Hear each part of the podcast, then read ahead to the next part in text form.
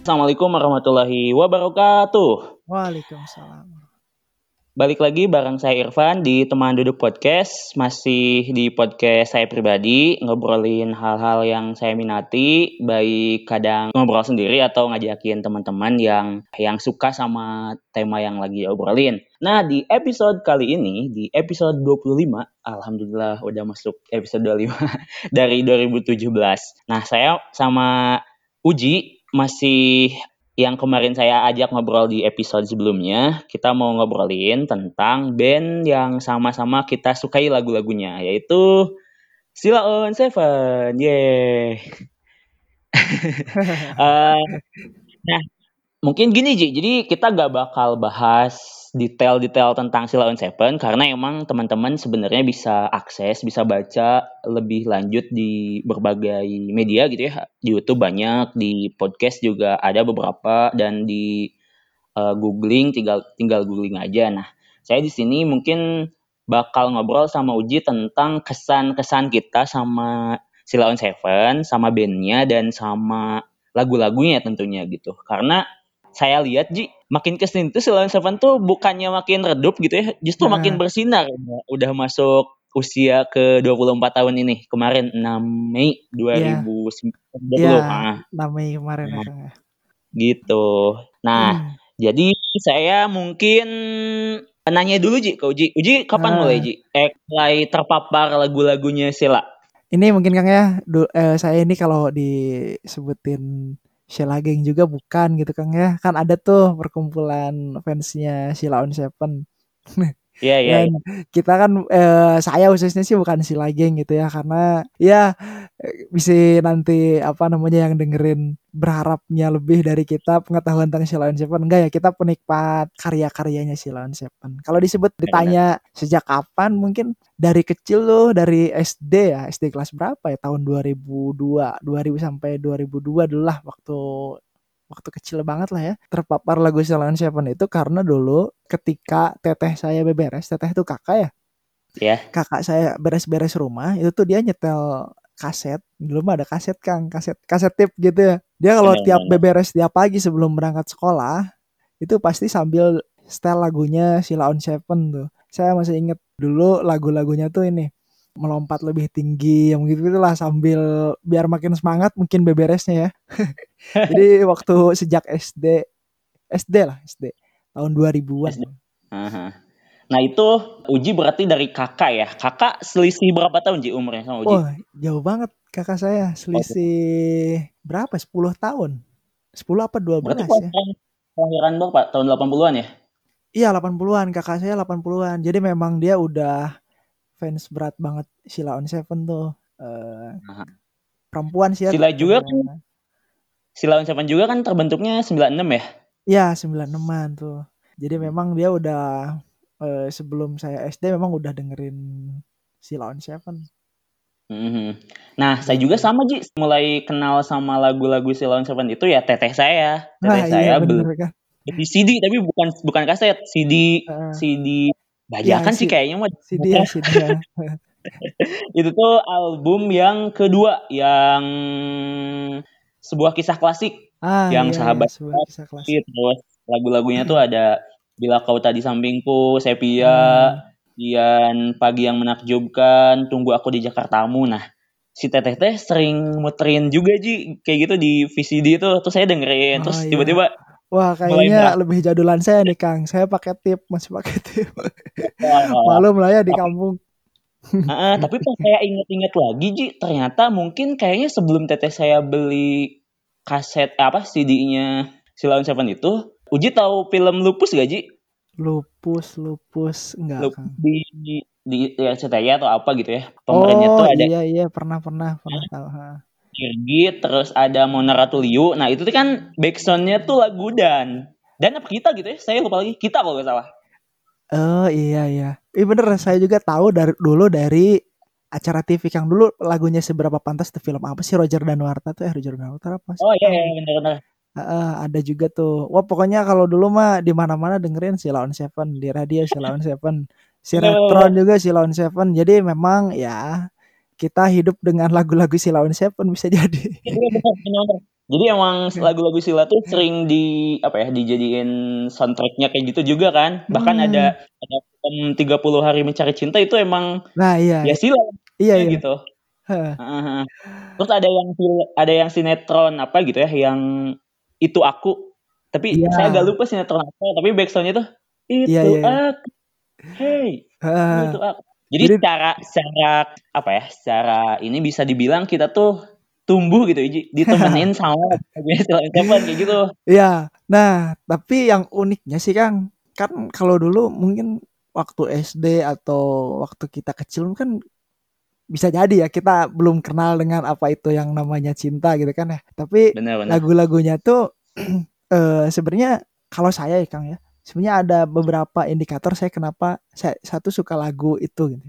Biasanya Hmm. saya suka lagu itu karena eh, pertama nadanya enakan gitu ya. Nadanya tuh Mhm. apa ya enak didengar gitu ya. Apa namanya cocok gitu ya. Terus yang Hmm. keduanya biasanya karena liriknya. Nah, Hmm. gitu. Kalau nggak karena nadanya, karena liriknya. Kalau misalnya nadanya nggak terlalu bagus tapi liriknya bagus, biasanya saya memang suka juga gitu. Nah, tapi kalau si Oh. Leon Seven tuh kata-katanya puitis, terus nadanya juga di tahun tahun-tahun 2000-an gitu kan eh, cenderung jarang lah ada band yang memainkan apa namanya eh, lagu-lagu seperti ya beatnya gitu kan, yang ngebeatnya dan lain-lainnya. Ya si Lawan Seven waktu itu menguasai anak muda gitu kan mungkin ada ada Mhm. segmennya ya. Padi mah ya udah tersa dewasa misalkan De- dewa juga kan. Dulu yang anak muda memang ya si Lawan Seven jadi makanya kenapa mungkin dulu banyak banget di apa namanya didengerin banyak orang gitu ya diputar banyak orang ya karena memang segmennya ya kita kita tuh dari SD juga gitu kan dari anak kecil sampai eh, ya usia tua juga sebenarnya su- masih suka si Lawan Seven sampai sekarang bahkan Bener bener bener. Eh, saya sempat lihat Ji di video di YouTube gitu kalau nggak salah. Nggak tahu di berapa puluh tahunnya Silon Seven atau video yang lain bahkan ada satu pasangan di sana tuh bilang nanti anak sama sama cucu saya harus dengerin lagunya Silon Seven katanya saking bilang apa ya, saking ya eh, mereka tuh pasangan itu tuh emang pengen ngerekomendasiin lagu-lagu Sila on Seven yang menurut mereka bagus gitu. Eh, sampai jadi pokoknya kalau Uji sering dengerin atau sering nontonin YouTube video konsernya Solan Seven coba deh bacain komen-komennya. Itu apa ya kayak kayak mewakili banget gitu. Eh, wah Solan Seven kok gak tua-tua personilnya kayak gitu. Wah itu pokoknya saya sebelum sebelum rekaman podcast tuh kayak riset-riset gitu kan. Baca-baca oh ternyata emang makin ke sini tuh Solan Seven makin dicintai gitu Ji. Iya makanya kemarin kan eh, bukan kemarin tahun kemarin apa 2018 ya yang konser di Trans 7 itu kalau nggak salah ya Nah, itu ramai juga tuh banyak ternyata banyak orang orang-orang terkenal yang hadir di situ karena memang dulu hidup di zaman lagu-lagunya si Lawn Seven. Nah, benar-benar. Benar-benar. Nah, Uji sendiri Ji yang eh, lagu yang bener apa ya, yang terngiang-ngiang banget atau yang berkesan banget, lagu mana Ji dari Sila? Sebetulnya lagu-lagu yang sering diputar di ini mungkin Kang ya. Apa namanya kalau setelah kita mendalami gitu ya. Dulu mah kan memang ser- yang sering diputar aja seberapa pantas gitu ya. Dan dan lain-lain ternyata di di setelah saya searching-searching lagi gitu ya. Akhir-akhir masa SMA lah saya atau baru masuk kuliah tuh saya mulai nyari-nyari lagi lagu Ceylon Seven yang nggak terkenal tuh kan. Hmm. ternyata memang enakan lah hampir enakan semua sih saya juga bingung ya kalau kalau disebutin satu buah lagu yang berkesan wah kayaknya hampir semuanya sih kang jadi bingung juga Benar-benar. nyebutinnya Tapi yang yang apa ya, Eh. yang yang banget gitu lagunya, yang mana dan kenapa? ah dulu bentar ya saya saya inget-inget dulu kang soalnya bingung juga nih kalau ditanya satu lagu kalau Sialaan Seven Berapa lagu deh, boleh? Gak satu juga. ah kita tukang kita yang ya nandain tentang apa namanya persahabatan terus anugerah terindah terus Iya. oh iya ada ada ada satu satu yang bener-bener eh, ngena tuh dulu pas dengerin radio kang radio radio Oh, radio ya ya benar. Ah, ya itu tuh menurut menurut saya tuh paling keren banget karena radio itu sebetulnya kenapa sekarang suka ya mungkin eh, Kang Irfan terus saya juga suka ngepodcast karena bisa jadi dulu kita sering dengerin radio ya. Karena saya Iya, dulu iya. heeh, waktu SD, waktu SMP, SMA sih udah udah mulai kenal handphone gitu ya, MP3 dengerin MP3 banyak kan masukin lagu gitu ya di dari komputer. Apa tapi SD sama SMP tuh saya hidup dengan mendengarkan radio tuh Kang. Karena di radio itu ya sama aja kalau sekarang kan podcast ya Kang ya.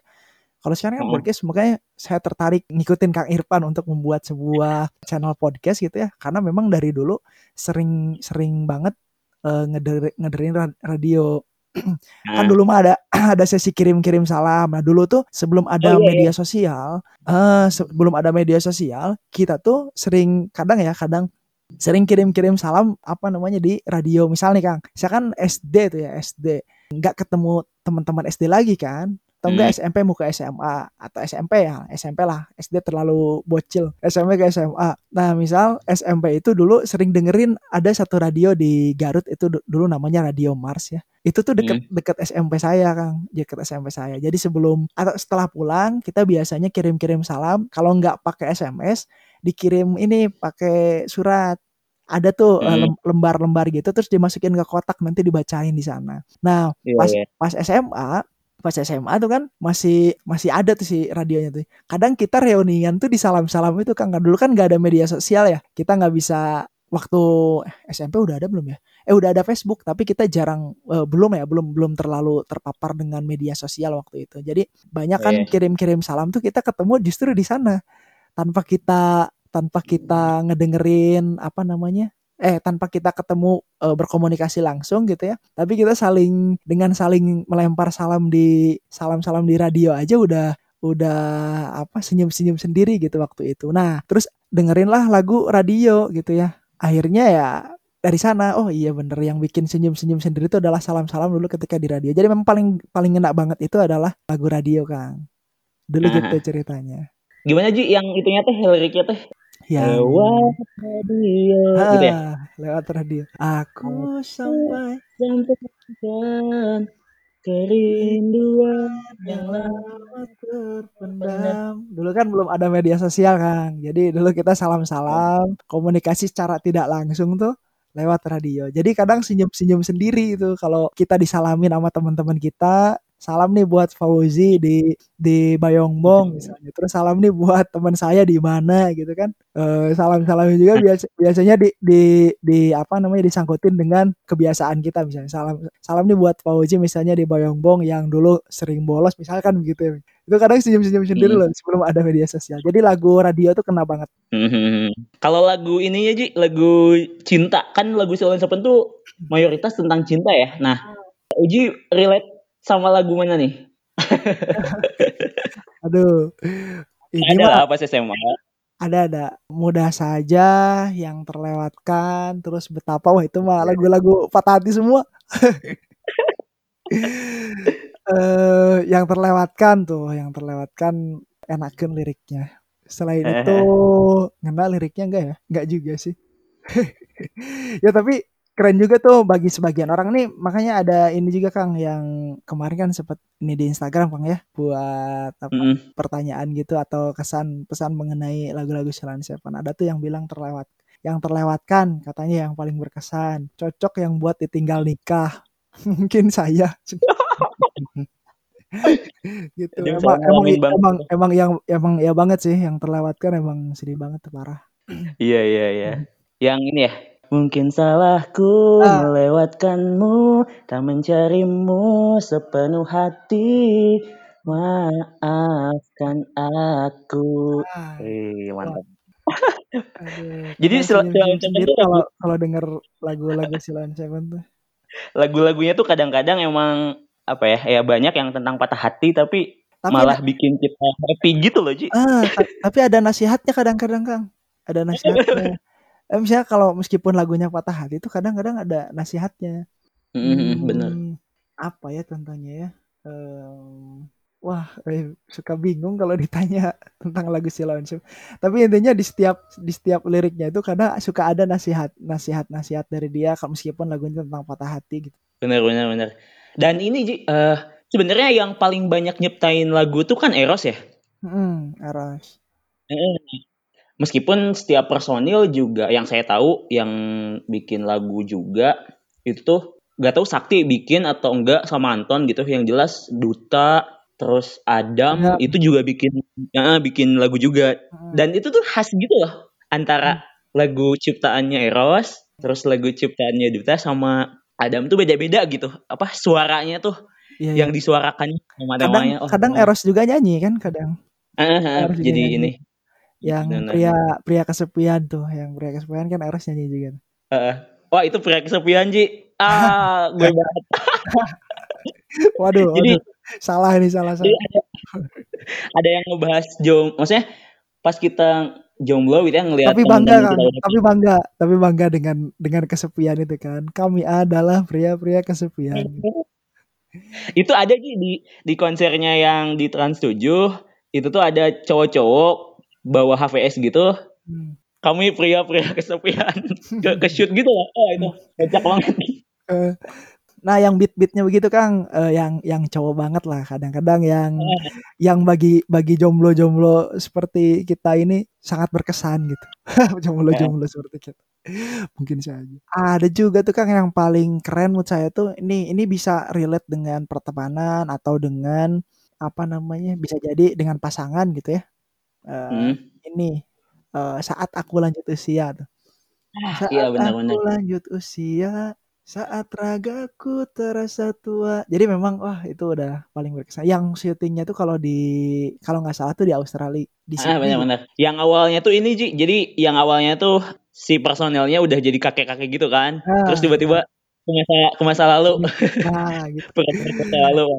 Sa- oh ada lirik yang ada yang lirik yang paling enak ini nih Eh, saat perutku mulai buncit yakinlah ku tetap terseksi katanya. Iya. Iya benar-benar. Tapi sebenarnya Ji, saya dulu pas kecil gak terlalu banyak tahu sih sebenarnya tentang lagu-lagu Sheila on Seven. Jadi cuman pas pas SD, terus pas MTS mungkin, pas SMA Hmm. gak terlalu. Hmm. Terus saya mulai kemudian cari-cari lagi lagu Sheila on Seven tuh pas lagi skripsian Ji. oh Jadi gitu lagu-lagu tuh wah nemenin banget gitu.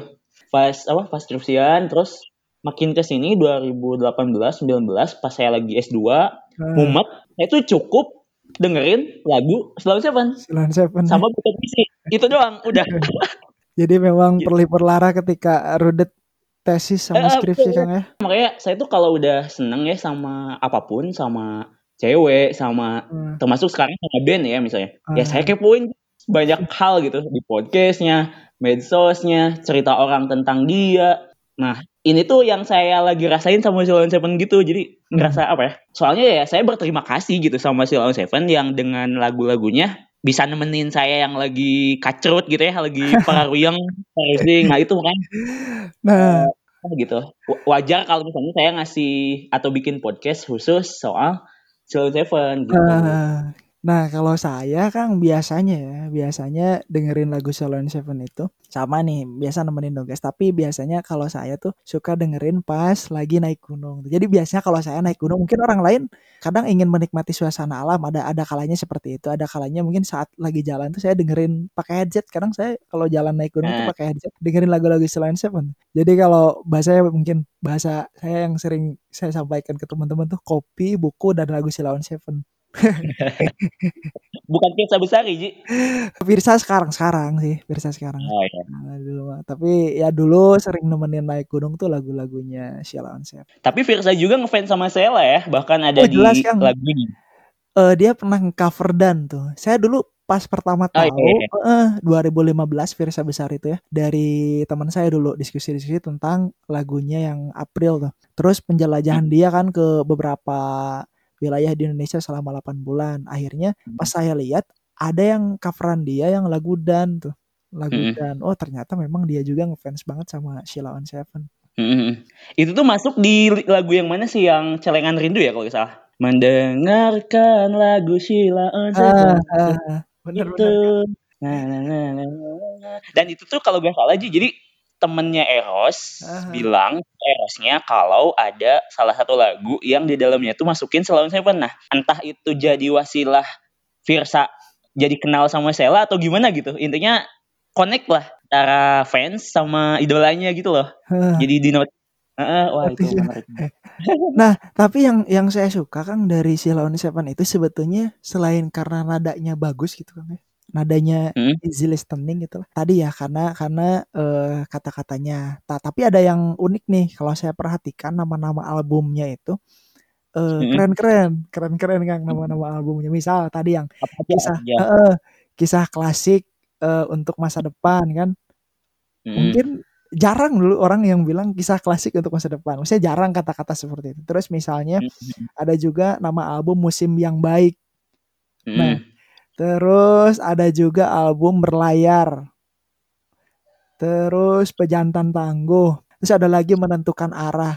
Nah, bagi bagi Mhm. saya penamaan itu tuh wah menentukan eh, atau bukan menentukan, menggambarkan seperti apa dia gitu, seperti apa album yang dia sampaikan di di apa namanya, di waktu tersebut gitu. Misal Mhm Berlayar, mhm. wah udah kebayang nih eh, lagu-lagu lagu-lagunya akan akan penuh dengan eh, motivasi gitu ya, beat yang beat yang kencang gitu ya, beat yang cepat. Mhm. Ya bener kan? Pejantan Tangguh ya tentang laki-laki kan, tentang laki-laki Bener. banget dan lain-lain. Itu sih yang saya suka dari on Seven salah satunya. Bahkan kalau nggak salah tuh yang Pejantan Tangguh kalau nggak salah atau yang mana gitu, itu tuh duta di salah satu konser bilang kalau perempuan itu ya harus diperjuangkan gitu Ji. Eh sorry, gimana ya? Jadi perempuan tuh duduk manis aja gitu. Biarin laki-laki yang apa ya, yang jantan Yang gitu yang bekerja. buat dia. Waduh. Aduh. Asik sih. Pas naik gunung itu playlistnya random atau gimana playlistnya? Random Kang, random. Karena kan saya Random. masukin MP3 kalau di gunung kan nggak ada sinyal Oh, Spotify iya. atau YouTube. Jadi eh, biasanya siapin kosongin memori buat khusus buat Oh. lagu Sheila on Seven saya masukin dulu tuh si lagu-lagu listnya dari terdahulu banget sampai yang terbaru heeh. gitu.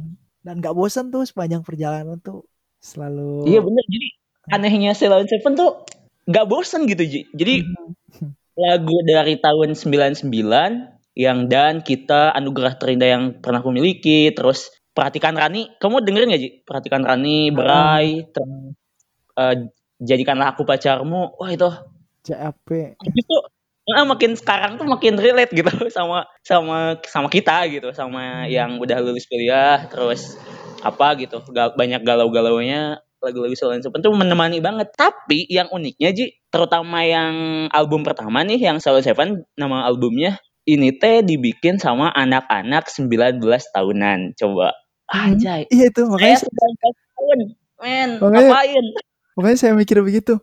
Ini anak 19 tahun, anak SMA malah kan dari SMA kan mereka membuatnya itu. Ini keren banget gitu ngebuat nada seperti ini, kata-kata seperti ini, terus ngemotivasi orang. Wah, saya juga mikir sekarang kan Duta tuh, Duta Eros tuh baru umur 40-an ya.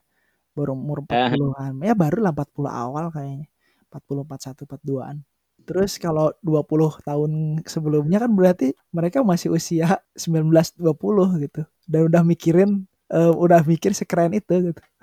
Heeh. Meskipun ada juga beberapa lirik itu kadang banyak kandungan metafornya, tapi di beberapa lagu juga ada yang kayak saya dengerin podcast nih Ji, tadi. Mm-mm. Jadi lagu-lagu on Seven juga ya khas anak SMA gitu. Iya, iya. Khas an- ya maksudnya remajaan lah kayak gitu yang lagi jatuh cinta sama lawan jenis kayak gitu. Makanya Hmm. ada di lagu yang jadikanlah aku pacarmu. Nah. Jadi apa adanya gitu Ji, gak terlalu ini. Nah, ini yang bikin. Heeh, yang bikin on Seven tuh bisa diterima banyak orang gitu. Hmm. Bagi yang kalangan atas yang menyukai kata-kata masuk karena emang ada beberapa lagu Sheila on Seven yang sederhana tapi gak sederhana gitu loh Ji. Terus Hmm. ada juga yang memang gak rumit, gak mau hal-hal yang rumit lah kata-kata atau diksi-diksi yang yang susah dicari diketahui maknanya bisa juga gitu karena Sheila on Seven tuh kayak banyak variannya gitu loh Ji. Ba- Ada yang ah, ada yang sederhana sampai yang kompleks juga ada. ah.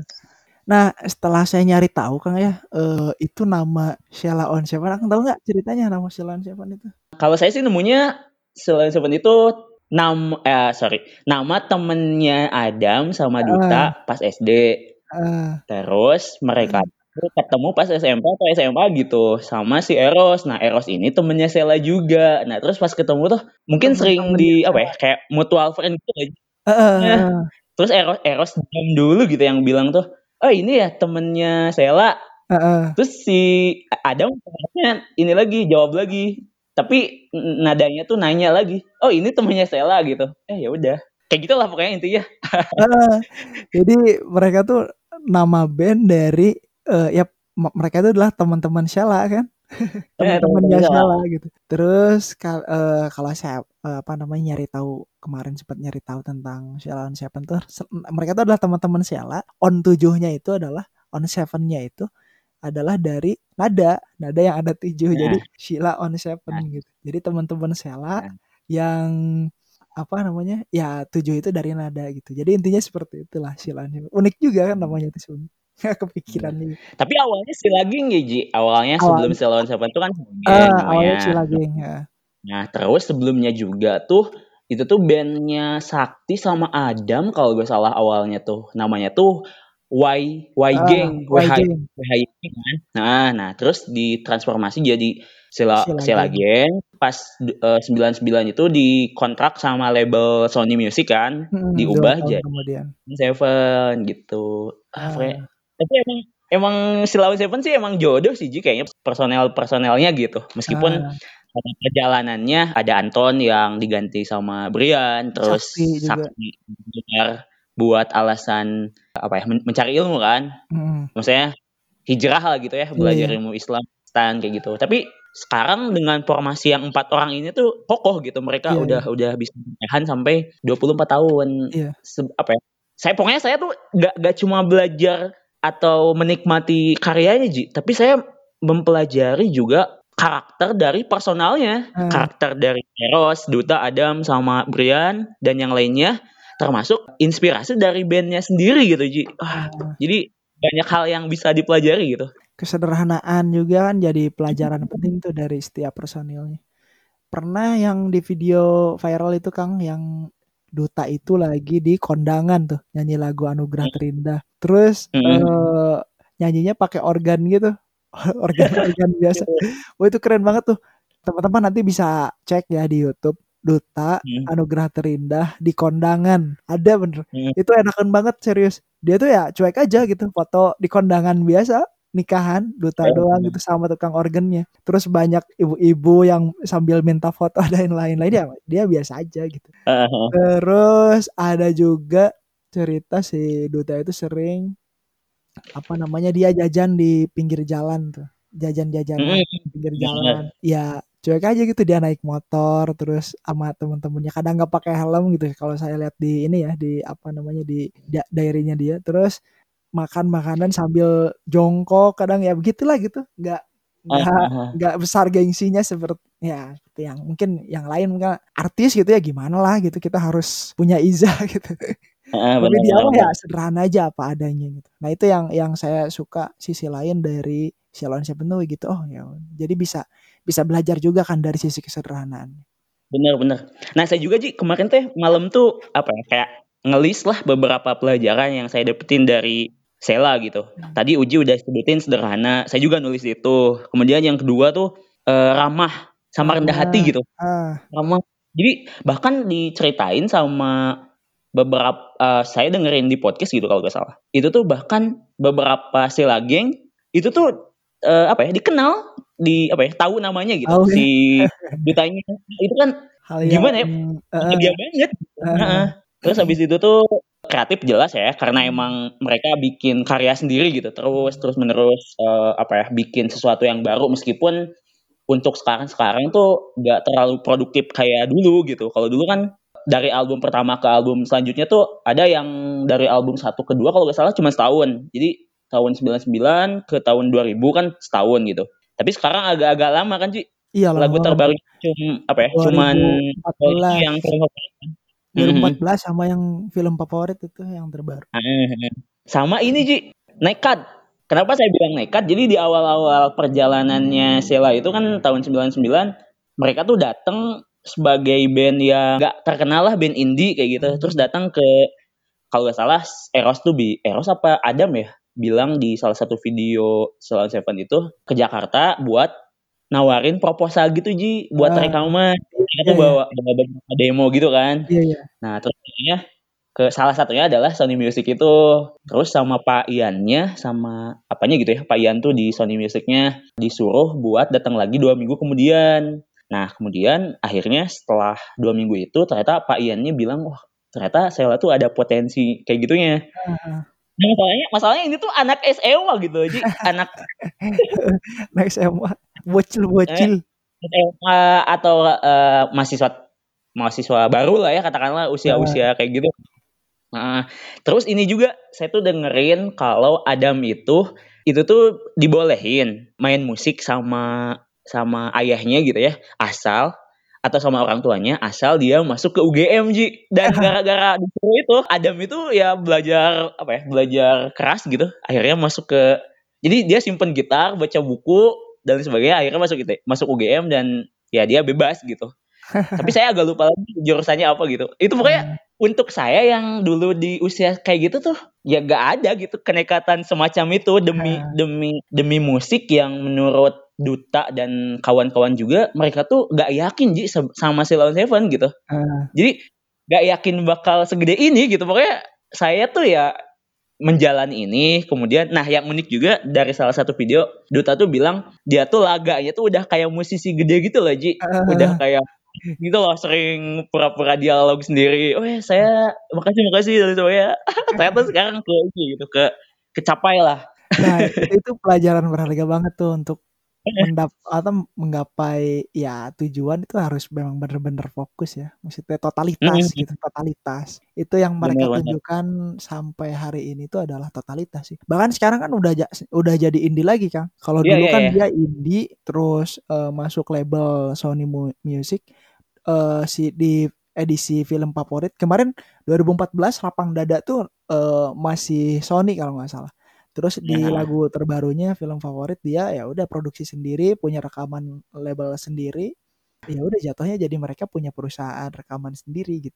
Jadi kalau gak salah tuh Sony itu ngontrak Sela 8 album Ji. Heeh. 8 album. Ya? Nah, nah, abis itu tuh eh, Sela mutusin buat gak diperpanjang. Heeh. Jadi bikin label, bikin ini sendiri kan yang Iya. 507 itu. Heeh. Yang 507 itu dan pas apa ya pas awal-awal film favorit keluar itu kan yang nawarin ke radio-radio itu kan eh, duta ya itu Iya. gak tahu di Twitter atau di Facebook dan viral kan Heeh, viral. Makanya se, se ini duta gitu. Nah, Heeh. sampai kemarin ke pihak radio untuk ngenalin single yang barunya gitu. Sampai turun tangan lagi, begitu sampai kayak sampai kayak band indie lagi kayak dulu kan pas awal-awal gitu. Bener bener. Jadi ya itu eh, spirit mereka tuh luar biasa. Dan kalau lihat komen-komenan Ji di itu apa di YouTube gak tua-tua gitu, Gak tua. menolak tua maksudnya. Menolak tua. Om-om kan. Bahkan temen saya Ji pas saya tadi nanya ada yang mau ngasih ini gak kesan pesan sama Sela, ada yang bilang dia tuh gak tahu bercanda, gak tahu serius gitu. Sayangnya tuh ya Om Duta udah punya ya udah punya istri kata ya. Saking terpesona gitu sama sosok Oh iya, dutanya lah. eh, ada ada pengalaman unik Kang. Tapi ini bukan saya kegeeran Kang ya, bukan. Bukan saya merasa mirip Duta enggak. Saya itu suka sama Sheila on Seven beneran tapi ini Kang. Waktu SD karena ada yang bilang, "Eh, kamu mirip Duta waktu SD tuh Kang ya, waktu SD." Sebenarnya dulu cuma dengerin-dengerin aja. Oh ini saya lupa nyampein juga. Kenapa saya tertarik Seven? Tuh, siapa itu siapa kan dulu belum tahu. Oh ternyata lagu yang sering diputar oleh teteh saya kan dulu. Saya kan nggak tahu itu lagu apa, cuma kan sering denger denger denger.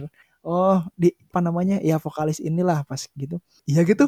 Kadang saya suka bercermin kan. Asa enggak sejauh. Nah itu waktu SD tuh, kan, waktu SD ya. SMP ada yang bilang lagi begitu.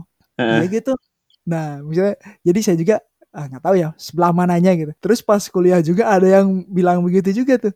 Pas kuliah eh, SM, SMA SMA juga pas kuliah juga ada yang bilang. Jadi hampir tiap jenjang pendidikan yang pernah saya lewati itu selalu ada yang bilang begitu Kang. Jadi saya dulu suka Silon itu salah satunya gara-gara saya dibilang mirip Duta dulu ya dulu. Tapi ini teman-teman apa jangan haters haters jangan membenci saya.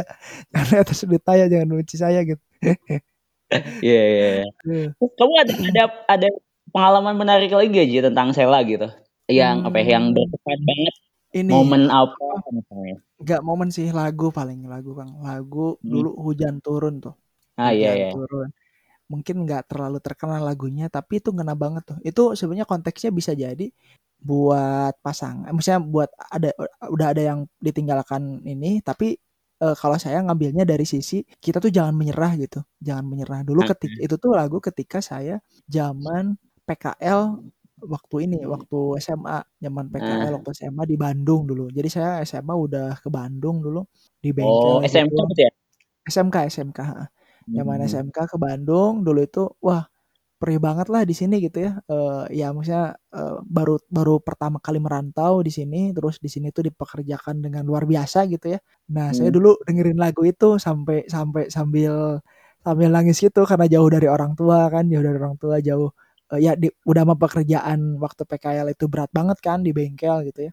Eee, udah mah ada Mhm. pengalaman buruk juga dengerin lagu itu jadi kerasa banget gitu. Jadi karena ada liriknya juga yang kalau nggak salah tuh gini, "Waktu hujan turun di sudut gelap mataku begitu ge begitu derasnya." Nah, maksudnya jadi memang lagi nangis terus dengerin lagu itu, wah kena banget gitu dulu. Itu aja sih sebenarnya pengalaman terini, lagu-lagu Sheila on 7 selalu ngena, tapi yang paling ngena itu di dulu di momen-momen saat lagi berjuang, apa namanya, ya belajar bekerja, belajar mandiri, eee, lagu itu nemenin gitu. Oh, kalau saya ji saya juga kemarin-kemarin sih di tahun 2020 lah di kos saya yang baru, saya tuh mumet banyak hal gitu, eee, dari Mmm. mulai tugas, terus perasaan, kayak gitulah. Terus saya tuh ya hampir nggak tiap malam juga sih, ada lah di satu malam saya tuh keluar di saya kan kamarnya di lantai 3 gitu kan, Ji. Terus langsung kayak deket jemuran, jadi bisa Mhm. langsung lihat langit gitu. Ya saya pegang HP, buka YouTube, dengerin lagu Sheila on 7, pakai headset, joget-joget sendirian, Ji. Saki saking apa ya, ya saking kacaunya gitu, kayak kacaunya pikiran saya, terus saya joget-joget dengerin Sheila on 7, dan makasih banget gitu buat Sheila on 7 tuh udah udah udah menemani banget si lagu-lagunya.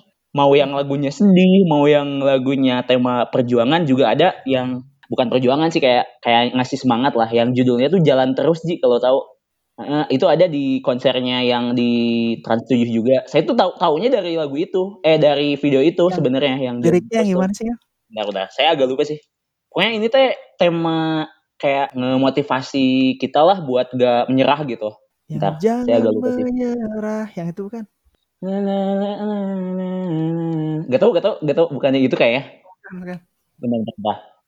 Pokoknya itu tuh motivasi gitu sih si liriknya teh. Oh, ada yang Dan it ada yang ini juga, ada yang unik Ya. juga tuh, eee, saya jad juga kapan ya tahu tuh, pas awal-awal kuliah lah, nyari tahu terus tiba-tiba Sheila on 7 tuh ada yang bawain lagu Ambilkan Bulan, Kang. Tahu nggak? Bener bener. Ambilkan bulan bu, ambilkan itu di apa, dipakai sama Sheila on 7, kena banget juga tuh si lagu itu tuh. Nah, yang ini Ji, bentar bentar. Yang Jalan Terus tuh, hidup memang tak semudah Oh, iya iya, tahu tahu tahu. muda dulu. Panas dingin panas dingin tak bisa diterka. Strategi hidup bertahan Heeh dari seleksi sang alam. Hidup memang tak seindah waktu kita muda dulu. Umur terindah pastikan berlalu. Ah, pokoknya liriknya tuh Itu tuh menenangkan, bukan menenangkan sih, lagu menyemangati. lagu Musim yang Baik kalau nggak salah ya? Eh, album Musim yang Baik ya kalau nggak salah. Eee, bentar dicek. Kayaknya iya. Pokoknya saya tuh baru tahu ternyata Sheila on 7 ada lagu itu tuh pas di yang Trans 7 itu. Mhm. Dan banyak orang apa ya, kayak ngomen gitulah, "Oh, ini lagunya jarang dibawain, tapi ini," katanya apa, "langsung Motivasi. enakeun," gitu Heeh di di top dia. Nah, terus yang selanjutnya Ji, saya tuh pokoknya kemarin awal-awal tahun tuh ada momen-momen yang nyesek banget gitulah, Mmm, ditinggal ada nikah? gitu. Terus, nah itu tuh yang yang mewakili banget soundtrack film kehidupan saya tuh yang ini Ji, Lapang Dada. Ah, Lapang Dada, iya. Dada kan video klipnya tuh si si cowoknya kan datang ke sana terus dapat bunga yang dilemparin sama siapa sih yang ceweknya tuh, aduh lupa, yang kayak yang mirip Chelsea Islan tuh si Tatiana. Nah, yang itu, kau harus bisa bisa berlapang dada. Wah, ini Mengikhlaskan sama kayak yang kayak yang terlewatkan kurang lebih. Ya, pokoknya saya dengerin Slow Seven seharian. Aduh. Bahkan saya Ji, saya tuh mandi, terus saya puterin Slow Seven di laptop apa di HP, terus habis itu tuh ya intinya udah beres kan di WC-nya. Terus saya tiba-tiba punya ilham buat nulis puisi dan di dalamnya tuh ada Slow Seven-nya. Ada ada lagu Anugerah Terindah yang pernah aku miliki. Hmm. Itu tuh ya ngebayangin itu gitu. Jadi saya ke WC terus ngelihat shower, uh, air yang jatuh ke lantai WC. Itu tuh jadi puisi. Jadi nanti deh saya kirimin gak? Itu tuh momennya pas itu loh, pas saking hancur lah gitu, gak bisa Seolah, gak bisa move. Seolah-olah Seolah-olah semua Tapi, mengajak bicara. Iya, iya bener-bener. Tapi lagu lapang dada tuh kayak ya emang saya harus lapang dada gitu harus. Iya. Uang saya juga gak pernah ngapain kok. Kenapa harus kecewa? Tapi itu ternyata lagu lapang dada itu sebenarnya bukan tentang itu. Kalau gak salah bukan tentang relationship cowok cewek, hmm. tapi kalau gak salah tuh tentang ayahnya Eros yang intinya Eros tuh sama ayahnya tuh masa kecil deket banget gitu, tapi akhirnya udah tua dan dan gak bisa kayak dulu lagi loh gitu. Hmm. Akhirnya ya harus move on gitu, harus ya kita udah dewasa, udah kayak gimana gitu. Jadi kita harus menerima kondisi sekarang dengan lapang dada kayak gitu sih kurang lebih lah yang hmm. saya tangkep gitu salah satu wawancara Tapi video klipnya malah malah tentang gitu ya? nikah uh. dan dan gitu. nah itu uniknya tuh lagunya kadang general juga bisa dipahami hmm. oleh orang dengan berbagai kondisi. Ada yang dia lagi sakit hati atau dia lagi uh, putus dari pekerjaan dan lain-lain lah. Hmm. depresi. Kita cek dulu. Jadi kemarin kita sempat buat apa namanya? uh, di Instagram ya pertanyaan tentang kalau saya kemarin kan tentang lagu yang paling berkesan sih. Hmm. lagu yang paling berkesan. Tapi yang paling banyak mayoritas adalah yang dirasakan oleh Kang Irfan yang terlewatkan. Hampir mayoritas tuh. Mayoritas. Bentar, bentar, yang terlewatkan itu sebenarnya kamu nangkepnya kayak gimana Ji? Apakah misalnya ada satu Sebuah. ada seseorang yang sama kita lalu kita anggap gak ada dan kemudian baru kita notice di belakangan bahwa kita juga suka atau gimana sebenarnya yang lapang dada itu? Yang eh sorry terlewatkan. Yang terlewatkan. Uh, yang terlewatkan. Ya kalau saya nangkepnya adalah dulu saya nyanyain orang gitu. Oh, bukan saya sih, bukan saya sih. Uh, itu.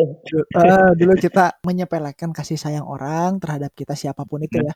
Mungkin uh, ketika hmm. ketika orang itu sudah sama yang lain kalau konteksnya pasangan atau misalnya hmm. kalau orang itu udah nggak ada bisa jadi kan udah meninggal dan lain-lain baru kita hmm. apa namanya notice tapi dalam lagu ini itu memang agak sedikit galau sih lebih ke penyesalan sih yang saya lihat hmm. gitu ya lebih ke penyesalan jadi ya mungkin ini yang di, dirasakan oleh banyak orang ya. Nih, soalnya banyak banget yang bilang yang terlewatkan, yang terlewatkan, yang terlewatkan. Tadi itu yang terlewatkan ada juga yang uh, ditinggal nikah.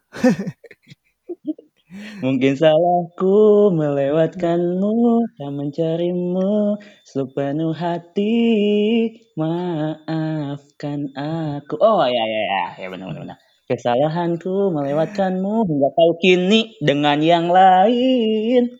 Oh iya ya. Heeh. ad ya itu konteksnya untuk pasangan mungkin ya. Uh, jadi ya minta maaf, tapi konteksnya ya udah maaf itu udah nggak berarti udah nggak bisa ngerubah lagi keadaan gitu. Jadi memang karena udah terlanjur. Nah itu mungkin jadi pelajaran sih buat kita kan. gitu. Kocak. Antara sedih sama lucu juga ya. Uh, Terus ada juga yang bilang dan katanya. Dan oh ini lagu legendaris Karena mungkin tahunya hanya dan aja. dan terus apa lagi? Semua lagunya berkesan karena selalu relate sama aku. Wih.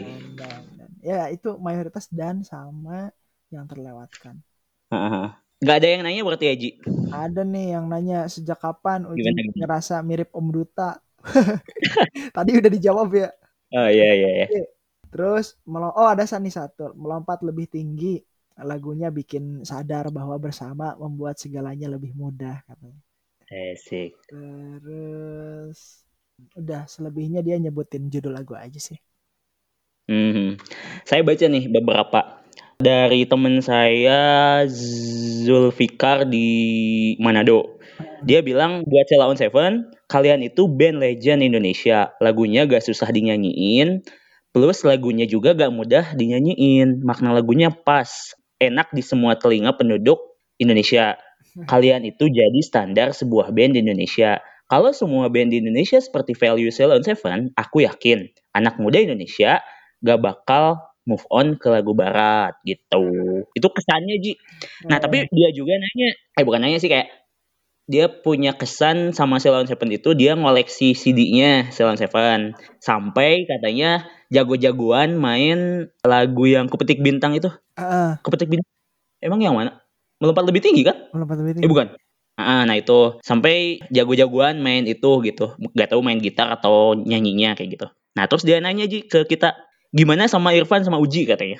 Kalau saya sih gak ngoleksi lagu eh gak ngoleksi CD-nya cuman punya yang Teteh itu yang album kedua. Tapi justru belakangan lagi ngeburu lagu-lagu Ceylon Seven kayak buat ngelengkapin gitu loh. Soalnya kan gak semua album Ceylon Seven punya gitu. Nah sekarang tuh lagi lagi proses nyari gitu. Tapi emang niat mau koleksi. Bahkan saya tuh ke depannya Ji ada project buat bikin gak tahu buku atau apa gitu ya. Kumpulan puisi buat Ceylon Seven atau kayak menginterpretasi lagu Ceylon Seven gitu. Ada ada project ke sana. Tapi baru satu puisi doang sih. Kayak Ya. gitu. Itu keren tuh Kang, belum ada kayaknya Kang. Atau udah ada? Jadi kayak kayak tribute gitu loh Ji. Kayak Ah. tribute buat heeh. Nah Wah, keren. saya tuh kepikirannya kepikirannya antara kayak kan beberapa penyair itu kalau uji tahu kayak Aan Mansur misalnya atau siapa itu tuh suka kayak ngasih interpretasi terhadap lagu apa atau film apa atau puisi apa. Nah saya tuh pengen kayak gitu juga gitu tapi lagi belajar. Atau ide yang lainnya adalah saya ngebikin puisi dengan judul-judul lagu Ceylon Seven tapi dalamnya emang beda banget gitu. Paling sesekali bolehlah ada kayak intertext gitu antara Hmm. puisi saya sama liriknya kayak gitu tapi itu gak tahu sih bakal susah sih kayaknya tapi udah kepikiran Tapi belum ada tuh Kang yang bedah lirik Sheila on Seven ya satu-satu minim bukan bedah lirik ya. Mungkin ya ada lah interpretasi dari Kang Ya. Irfan ataupun nanti sedikit ngebedah liriknya meskipun ya menurut tafsiran kita meskipun misalnya diciptakannya adalah untuk misalnya untuk sesuatu yang lain tapi kita menginterpretasikannya yang lain kan sah-sah aja. Tapi itu keren. Eh, Kalau- Kalau ada tuh keren Ya. banget tuh Kang. saya tuh kepikiran ini Ji tapi kayak project saya gak nentuin gitu harus beres kapan. Intinya ini tuh kayak project buat idola aja gitu. Saya tuh pengen ngasih ini karena Ceylon Seven udah berjasa ke hidup saya gitu. Dalam hal ini ya nemenin lah nemenin. Keren lah ya. Hari-hari. kalau Uji gimana Ji? Ngoleksi juga atau enggak cuman dari YouTube? Enggak sih sejauh ini dulu yang koleksi tuh kakak ya teteh. Itu dia Hmm. dari nggak tahu nih sampai sekarang apa enggak ya. Dia tuh suka dua dua band dia tuh Eh, Slang sama Silon Seven. Slang sama Silon. Seven. Dia padahal perempuan ya tapi suka suka, lagu-lagu gitu nah dulu dia yang koleksi nggak akhirnya kan tahu banyak. Cuma kalau saya sih nggak terlalu apa namanya bukan bukan penggemar fanatik ya gitu ya. Bukan Sheila Geng Hmm. sejati gitu ya. Ya karena hanya menikmati karya-karyanya aja. Terus selain itu kalau karyanya memang positif kita ikut share aja gitu sih saya lebih ke eh, nge-share karya-karya Sheila Seven yang eh, bener-bener itu bisa ngebangkitin eh, emosi orang ke arah yang lebih positif aja gitu sih. Oke oke. Nah selanjutnya ini ada dari Sela. Ini tuh jadi saya tuh kayak kayak bikin yang yang di foto yang di story itu kan Ji. Terus saya ke uploadin di story WA. Terus ada yang ngomen si teman saya Sela. Dia bilang nggak pernah salah untuk ngefans sama Silon Seven gitu. Hmm. Terus harapannya dia bilang konser di Bandung setelah pandemi. Nah kayak gitu. Ya itu harapan kita semua sih. iya saya juga pengen minimal sekali dalam seumur hidup nonton live Heeh. Ceylon Seven gitu. Pengen ah, kayaknya seru banget gitu Ji. Eh, Ada di tempat itu. Uji pernah gak nonton langsung? Belum. Tahun kemarin tuh sempat mau dia kan ke Bandung tuh, sempat sempat mau nyasar juga. Tapi kebetulan Hmm. saya lagi di Ciamis tuh Kang, ada kerjaan. Wah, itu benar-benar gak bisa ditinggalin. Padahal memang udah Oh, iya. ngeburu dari jauh-jauh hari tuh di Oh Bandung. iya. Saya juga Iya, asli itu pengen banget minimal sekali lah. Saya soalnya sebenarnya gak, gak apa ya, bukan orang yang sering ikutan konser kayak gitu. Paling dulu sempat live band itu pas Payung Teduh doang itu di Win Bandung. Dan itu tuh emang asik banget gitu dengerin langsung tuh. Nah, saya pengen hal yang sama saya dapetin di Selawan Seven gitu. Hmm. Meskipun pasti beda gitu, pasti bisa kalau payung teduh kan nggak joget-joget ya. Cuman kayak Iya. gitulah. Kalau Selawan Seven kayaknya bakal ada gerakan-gerakan yang ke kiri ke kanan kayak gitu kan. Terus Ah. yang lebih tinggi bisa lompat-lompat. Kayak asik banget deh. Nyala, nyalain flash gitu kan. Kayak Eh, di bener-bener. ini di Sandrenalin tuh. Eh, bener-bener. Lagu pemuja rahasia. Hmm. Oh iya, lagu pemuja Iya. rahasia tuh. Satu lagi Kang. Eh, Wah, semua deh itu kayak saya suka. Pemuja rahasia tuh. Yang? Oh, yang na na na na na na na. Ku awali hariku dengan mendoakanmu agar kau selalu sehat dan bahagia di sana. Sebelum kau melupakanku lebih jauh, sebelum kau meninggalkanku lebih jauh, ku tak pernah berharap kau akan merindukan keberadaanku yang menyedihkan bener ini. ingat, wah mantap, mantap, mantap. Akulah orang yang menaruh bunga dan menuliskan cinta di atas meja kerjamu. Akulah orang yang akan selalu mengawasimu. Ya kayak kayak secret admirer di eh di lagu Moka gitu kalau salah. Ya pokoknya intinya para pecinta diam-diam.